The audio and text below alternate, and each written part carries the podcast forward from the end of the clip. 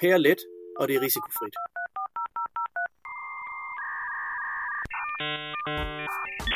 Velkommen til IT Sikkerhed med Cyberpilot. Værterne er Rasmus Vinge og Frederik Nielsen.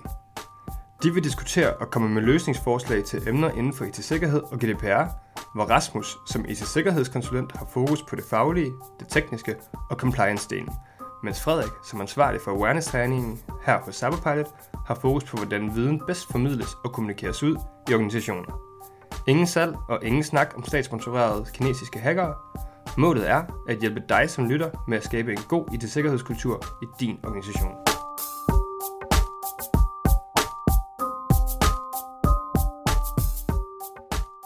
Hej Frederik, Hej Rasmus. og velkommen til vores uh, IT-sikkerhedspodcast igen igen. Tak, og i lige måde. I dag skal vi prøve at snakke om uh, social engineering, Ja, øhm, og helt specifikt uh, social engineering i den form, hvor det går fra at bare være en mail, altså vi kender de her phishing mails, uh, CEO Mhm. fraud mails, men hvor det kommer mere over i den her fysiske verden, altså hvor det bliver en, en, en faktisk fysisk person, som man har kontakt med. ja en-til-en kommunikation også, og så videre. Ja. Ja, lige præcis, lige præcis. Fordi at øh, vi har lige snakket om, at vi synes faktisk, der ligger nogle spændende øh, vinkler på det, øh, og det måske på nogle punkter mange gange bliver lidt, øh, altså risikoen ved det her social engineering, hvor det er fysiske personer, bliver lidt over, altså overvurderet, Ja. og andre steder bliver det måske også lidt, lidt undervurderet. Så, så det synes jeg faktisk er et meget godt øh, billede, og, og, eller et meget godt emne lige at prøve at tage fat i. Men vi kan jo lige prøve at starte med sådan lidt nogle, nogle historier, lidt prøve at sige nogle eksempler på det her social engineering, hvor det er, hvor det er en til en. Ja, Uh, vil du starte? ja men altså, vi, vi sad og prøvede at snakke lidt om, hvad for nogle, hvad for nogle sjove eksempler der er. Og der, der er jo det her med, at man som man har en tendens til at være meget øh, autoritetstro. Så hvis der er nogen, der ringer og siger og udgiver sig for at være en eller anden person, som har en eller anden øh, autoritet eller, eller magt, så at sige, eller krav på noget, og så stiller det krav, så har man en tendens til straks at klappe hælene lidt sammen og, og makke ret. Så hvis man tager sådan en, der er jo simpelthen, hvis der er nogen, der ringer og siger, jamen jeg er advokat, og jeg repræsenterer øh, et eller andet Hans her, øh, så, øh, så vil du ikke godt lige udlevere de her oplysninger, eller gøre det her for mig. Så bliver Ja. man jo sådan lidt, jamen skal man så begynde straks at, hjælpe personen, eller skal man lige træde et skridt tilbage og sige, jamen hvis du først lige kommer forbi mit kontor og lige viser mig din advokatbestilling, og i øvrigt lige det, øh, det bevis på, at du repræsenterer Hans, fordi det er det, jeg skal bruge, før jeg må hjælpe dig videre. Øh, det, det, det, er jo sådan, det er jo i hvert fald sådan et eksempel på, hvordan man hurtigt sådan, man skal virkelig trække det store skyt frem for at beskytte sig mod sådan noget. Ja, hvad kunne det ellers være?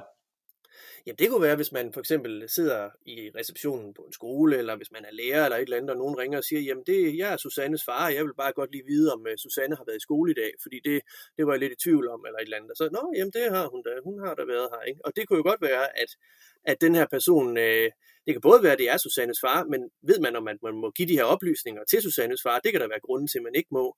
Øh, men i det hele taget, så har man jo bare sådan, det kunne også være en, hvad ved jeg, en børnelokker, eller et eller andet forbryder, eller sådan noget, ikke? Der, Ja, det kunne det. der var ude i noget. Så, så det ligger jo hele tiden i det der med, at man har en tendens til at tro på det. Så det der med at lige at trække den der grundlæggende mistanke frem, der siger, du er helt sikkert, hvem du giver dig ud for at være, det kan jeg bare ikke vide, så jeg er nødt til lige at sætte hælen i og sige, det kan jeg ikke hjælpe dig med. Men man kan ja. Ja. sige, hvis man virkelig tager det der til konsekvensen, så kan det blive ret svært at komme frem med noget i den her tilværelse.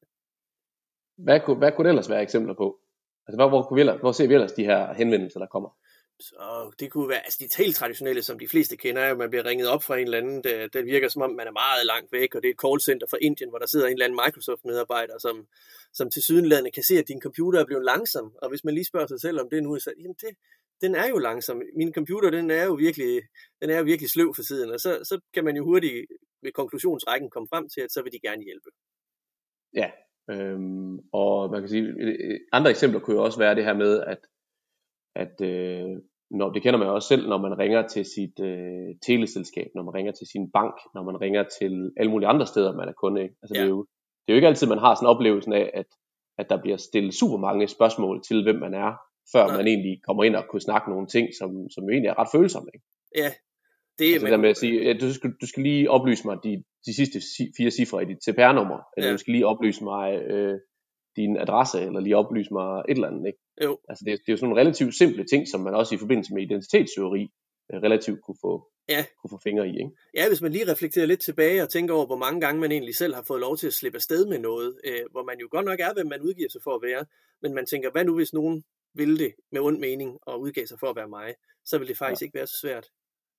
Så, øh, så det er i hvert fald et emne, hvor jeg, hvor jeg synes, der ligger, der er helt, helt sikkert noget her lige at, at, at få gravet ned i, og man kan sige, det her med, hvorfor, hvorfor er det, hvorfor bliver det et problem? Øhm, jamen det, det må jeg så se helt tilbage, ikke? Hvor, hvor vi jo, som du også, øh, du ynder at have eksemplet med det vilde vesten. Hvis man lavede social engineering dengang, ja. så, så, var der altså, så var der altså konsekvenser, hvis man blev, hvis man blev fanget. Ikke? Jo, så kunne man blive rullet i tjære og fjer og kørt ud af byen, ikke? Så fik man, og så fik man altså tæsk. Ja. Øhm, og, øh, og det er klart, der er også den her, øh, der er jo også social engineering i dag, som jo er den her med, der dukker en op på arbejdspladsen og ja. gerne vil se serverrum osv. Ja. Min, min opfattelse af det er bare sådan lidt, at der, det er nok der, hvor jeg vil sige, at der, det er risikoen, altså den reelle risiko for det er ret lille i forhold til, hvad, den, så ligesom, hvad der bliver brugt af ressourcer på at, at teste det for eksempel. Man kan i hvert fald sige, at de virksomheder, som har et grundlæggende stort problem og en risiko her, de, de skal nok tage hånd om det. Men hvis man bare er en helt almindelig virksomhed, hvor, hvor man måske ikke er i det, den situation, så, så er det ikke, altså det sker bare ikke hele tiden og så igen. Nej, så man kan sige, hvis vi sådan lige skal hoppe lidt tilbage til den her med sådan evolutionen på social engineering, så, ja. så er vi jo også gået fra øh, en situation, hvor jamen, ved at der er kommet muligheder for, at man kan ringe til hinanden, og man kan sende mm. mails, og man kan finde informationer på hinanden, jamen, så kan man jo i højere grad også egentlig tage den her fysiske kontakt til folk, uden at risikere det helt store. Ikke? Altså det, man behøver ikke gemme sig bag en mail for at gøre det. Nej, altså der er sådan to komponenter, som virkelig gør, at det her det er noget, der kan stige, og det er jo, at det er pære let, og det er risikofrit. Yes. Så ja, man kan virkelig sætte det i system, ikke? Altså. Og, der, og det, det sætter jo også sådan lidt, når man kigger på, øhm, altså de her typisk, hvis man ser, ser på mailsene, altså med, hvordan social engineering har udviklet sig på mailfronten, jamen, så er vi jo også gået fra, vi er gået fra en situation, hvor vi startede med at få Nigeria-breve, til at det har udviklet sig så meget og blevet så målrettet, at nu, nu får vi lige pludselig øh, mails fra vores direktører, mm. øh, fra den rigtige mailadresse, ikke? Ja. hvor der tror jeg, at den her social engineering på, altså med den her fysiske kontakt på telefonen, der tror jeg egentlig bare, at vi stadigvæk er lige i, i bunden af sådan en vækstkurve, fordi ja. der er en masse teknologi, som, som både er til rådighed allerede, og som også kommer til rådighed, som faktisk vil gøre det, ligesom måle, gøre det muligt at lave lige så målrettet øh, social engineering over telefonen, som det er i dag over mails. Det stiller jo nogle helt andre krav til, til hvordan vi snakker med hinanden i forhold ja. til, hvordan det foregår i dag. Altså jeg kan da huske den gang, hvor det var, at hvis, altså, hvor det var let, bare, bare det, at man kunne screene for udenlandske numre, så skulle man virkelig være på vagt, ikke? Men, men det, er jo, det, er jo, det er jo tit, det er et dansk nummer, som ringer til en, og så sidder der lige pludselig en eller anden, som, som i hvert fald ikke er fra Danmark, og taler til en. Men det, det forandrer sig jo også, ikke? Altså man ser jo, at der, der nærmest findes callcentre, hvor der bliver ansat øh, også danskere til at sidde systematisk og ringe ud. Øh, mafiaen styrer sådan nogen der, og altså det, det er big business, og at det bliver mere og mere professionelt. Og det betyder jo, det betyder jo selv lidt bare, at jamen, så bliver sværhedsgraden øh, på de her ting bliver skruet op. Øh, det bliver mere vedrørende, det bliver mere øh, tillidsvækkende, mm. det bliver øh, mere professionelt. Ja, målrettet, som du siger, ikke? Ja, målrettet, ja. ikke? Øhm, og og det, det, det tror jeg, at der er mange virksomheder, som, som slet ikke er forberedt på, at, og egentlig, at, at det her det kommer til at, at være en, en øget trussel fremadrettet. Nej, for det bliver sådan lidt, kan man virkelig regne med, at man med nogle gode forholdsregler kan, kan gennemskue forbryderne i fremtiden? Og det, det bliver nok sådan, at det bliver sværere og sværere. Så, så der, hvor det er, man, man skal sætte ind, det, det nytter bare ikke noget, at man forlader sig på, at, det, man, at man skal gennemskue andre. Det skal i højere grad være noget, hvor det er, at det er processer, der beskytter mod, at andre udnytter øh, en. Præcis, fordi at, at hele den her, øh, den her, øh, den her tillid vi har til hinanden, det her med at, at, at validere, hvem hinanden er, mm. jamen det, det, har vi jo, det har vi jo i hvert fald i dag. Øh, det binder, jeg, jeg binder i hvert fald personligt rigtig meget af det, men hvis jeg først har en eller anden i røret, mm. øh, og har en snak med min, så, så, så, så falder min, min, hvad hedder det, min, min parade også voldsomt i forhold til, hvis jeg sidder og skriver på en mail. Ja. Så, men der går jo ikke lang tid før, at man kan lave øh, efterligninger af, af stemmer over telefonen. Nej, overhovedet ikke. Så, så, det... øh, så hvordan beskytter man sig mod det? det? Det kommer virkelig til at være en, en stor udfordring, tror jeg, som man måske øh, potentielt set står over for allerede i dag. Ja. Jamen det, det er en risiko. Øh, vi kunne prøve at se på det her med, øh, med hvad, hvordan man egentlig håndterer det nu til dags, altså sådan i store træk og helt generelt betragtet. Ja, øh, fordi man kan sige, det der jo er i mange virksomheder er sket over de sidste par år, det er jo, at man er begyndt at fokusere på de kritiske processer. Mm. Fordi, man kan sige, at det her, hele det her social engineering via mail jo også været en stor øh, sådan katalysator for. Ja. Fordi man har indset, at vi kan ikke bare længere lave en bankoverførsel, eller betale en regning, eller ændre et øh, kontonummer ved en leverandør Nej. på baggrund af en mail. Nej. Øh, der er simpelthen for stor risiko for, at vi bliver svindlet her. Ja. Øhm, så der har man egentlig øh, arbejdet med at prøve at få nogle gode processer. Mange steder har man arbejdet med at få lavet nogle gode processer, som sikrer sig imod svindel på de her områder. Ja. Øhm, for eksempel ved, at man skal have øh, lidt den her, vi både skal have en mail, og vi skal have et opkald, øh, vi skal have nogle forskellige til at, at bekræfte, vi skal have nogle forskellige til at godkende. Ja. Øhm, som jo gør en rigtig stor forskel i forhold til, at du så skal, du skal dit svindelnummer skal være helt, på et helt andet niveau, end Ja. hvis det bare er en enkelt person, du lige skal have manipuleret til at gøre noget. Ikke? Præcis. Øhm, men men det, det er min oplevelse er også, at det er meget målrettet omkring, at de der processer, man har fokus på, har været rigtig meget omkring det her med, med økonomifunktionen. Ja, fordi den er jo så konkret at hive frem, at man kan se, at hvis man bare kan, kan skrive til Grete og få en halv million øh, nede i økonomiafdelingen, så, så, så går det ikke. Altså det, det er meget hurtigt, at man kan gennemskue, at her skal vi virkelig have nogle skarpe processer. Og det er der mange steder, man er langt med. Men, men øh, man kan prøve at pege på den anden del, øh, som har at gøre med, med data, persondata og fortrolige oplysninger, at der er jo ofte mange flere personer i en organisation, som har adgang til den slags, end det at sidde Ja. og lave overførsler. Ja, lige Øhm, præcis. Så kan man, kan man for eksempel ringe til, nu snakkede vi om det der eksempel med, en- med en lærer, der bliver ringet op af en far, eller at, øh, at en eller anden person i HR bliver ringet op af en eller anden jurist. Øh, øh, altså, hvordan kan man beskytte sig mod alle de processer? Fordi de lurer jo også. Jamen, og det er, jo netop, det er jo netop et rigtig godt spørgsmål, ikke? og det er jo netop det, der viser, at jamen, den måde, man beskytter sig mod det, jamen, det drejer sig jo først og fremmest om, at man netop har nogle gode processer for, hvordan er det, vi Ja. snakker sammen, hvordan er det, vi kommunikerer, hvordan er det, vi sikrer, at, øh, at vi kan stole på hinanden, Ja. øh, hvad for nogle kanaler øh, kan, vi, kan vi kommunikere over. Øhm, Ja. Men det drejer sig jo i høj grad også om, at vi accepterer, at vi er nødt til at lægge det her proces ned over alle de processer, som ikke, eller ned, at vi er nødt til at lægge den her slags kontrolprocesser ned over alle de ting, som ikke kun lige drejer sig om de allermest kritiske øh, økonomiske processer. Ja, fordi no, noget af det, som, jeg, som er min opfattelse, sådan for egen regning, øh, det er, at man undervurderer en smule, hvor svært det faktisk er at sætte hælen i, hvis man ikke ved, hvornår man skal gøre det. Fordi det, der egentlig sker, det er, at du sidder over for et andet menneske, måske i telefonen, men skal pludselig til at mistænkeliggøre den anden person, og det føles modbydeligt. Øhm, Ja. Og langt hen ad vejen er det, jo, er det jo mennesker, er mennesker jo, hvem de udgiver sig for at være, så i virkeligheden kommer du til, lad os nu bare sige, det er en ud af 10, der forsøger at snyde dig, jamen så de ni andre kommer du jo til at mistænkeliggøre på en eller anden måde, og det, det, det skal man virkelig kende sin bagkant, og når jeg siger bagkant, så mener jeg sin proces for, hvornår man ikke må gøre noget, øh, men skal gøre noget andet. Præcis. Fordi uden den bagkant, så er man tilbøjelig til at sige, jamen, hvis jeg ikke lige helt ved, hvad det er, jeg skal gøre i det her situation, så har jeg i hvert fald ikke lige tænkt mig at fortælle folk, at jeg synes, de, øh, de, de fremstår mistænkelige.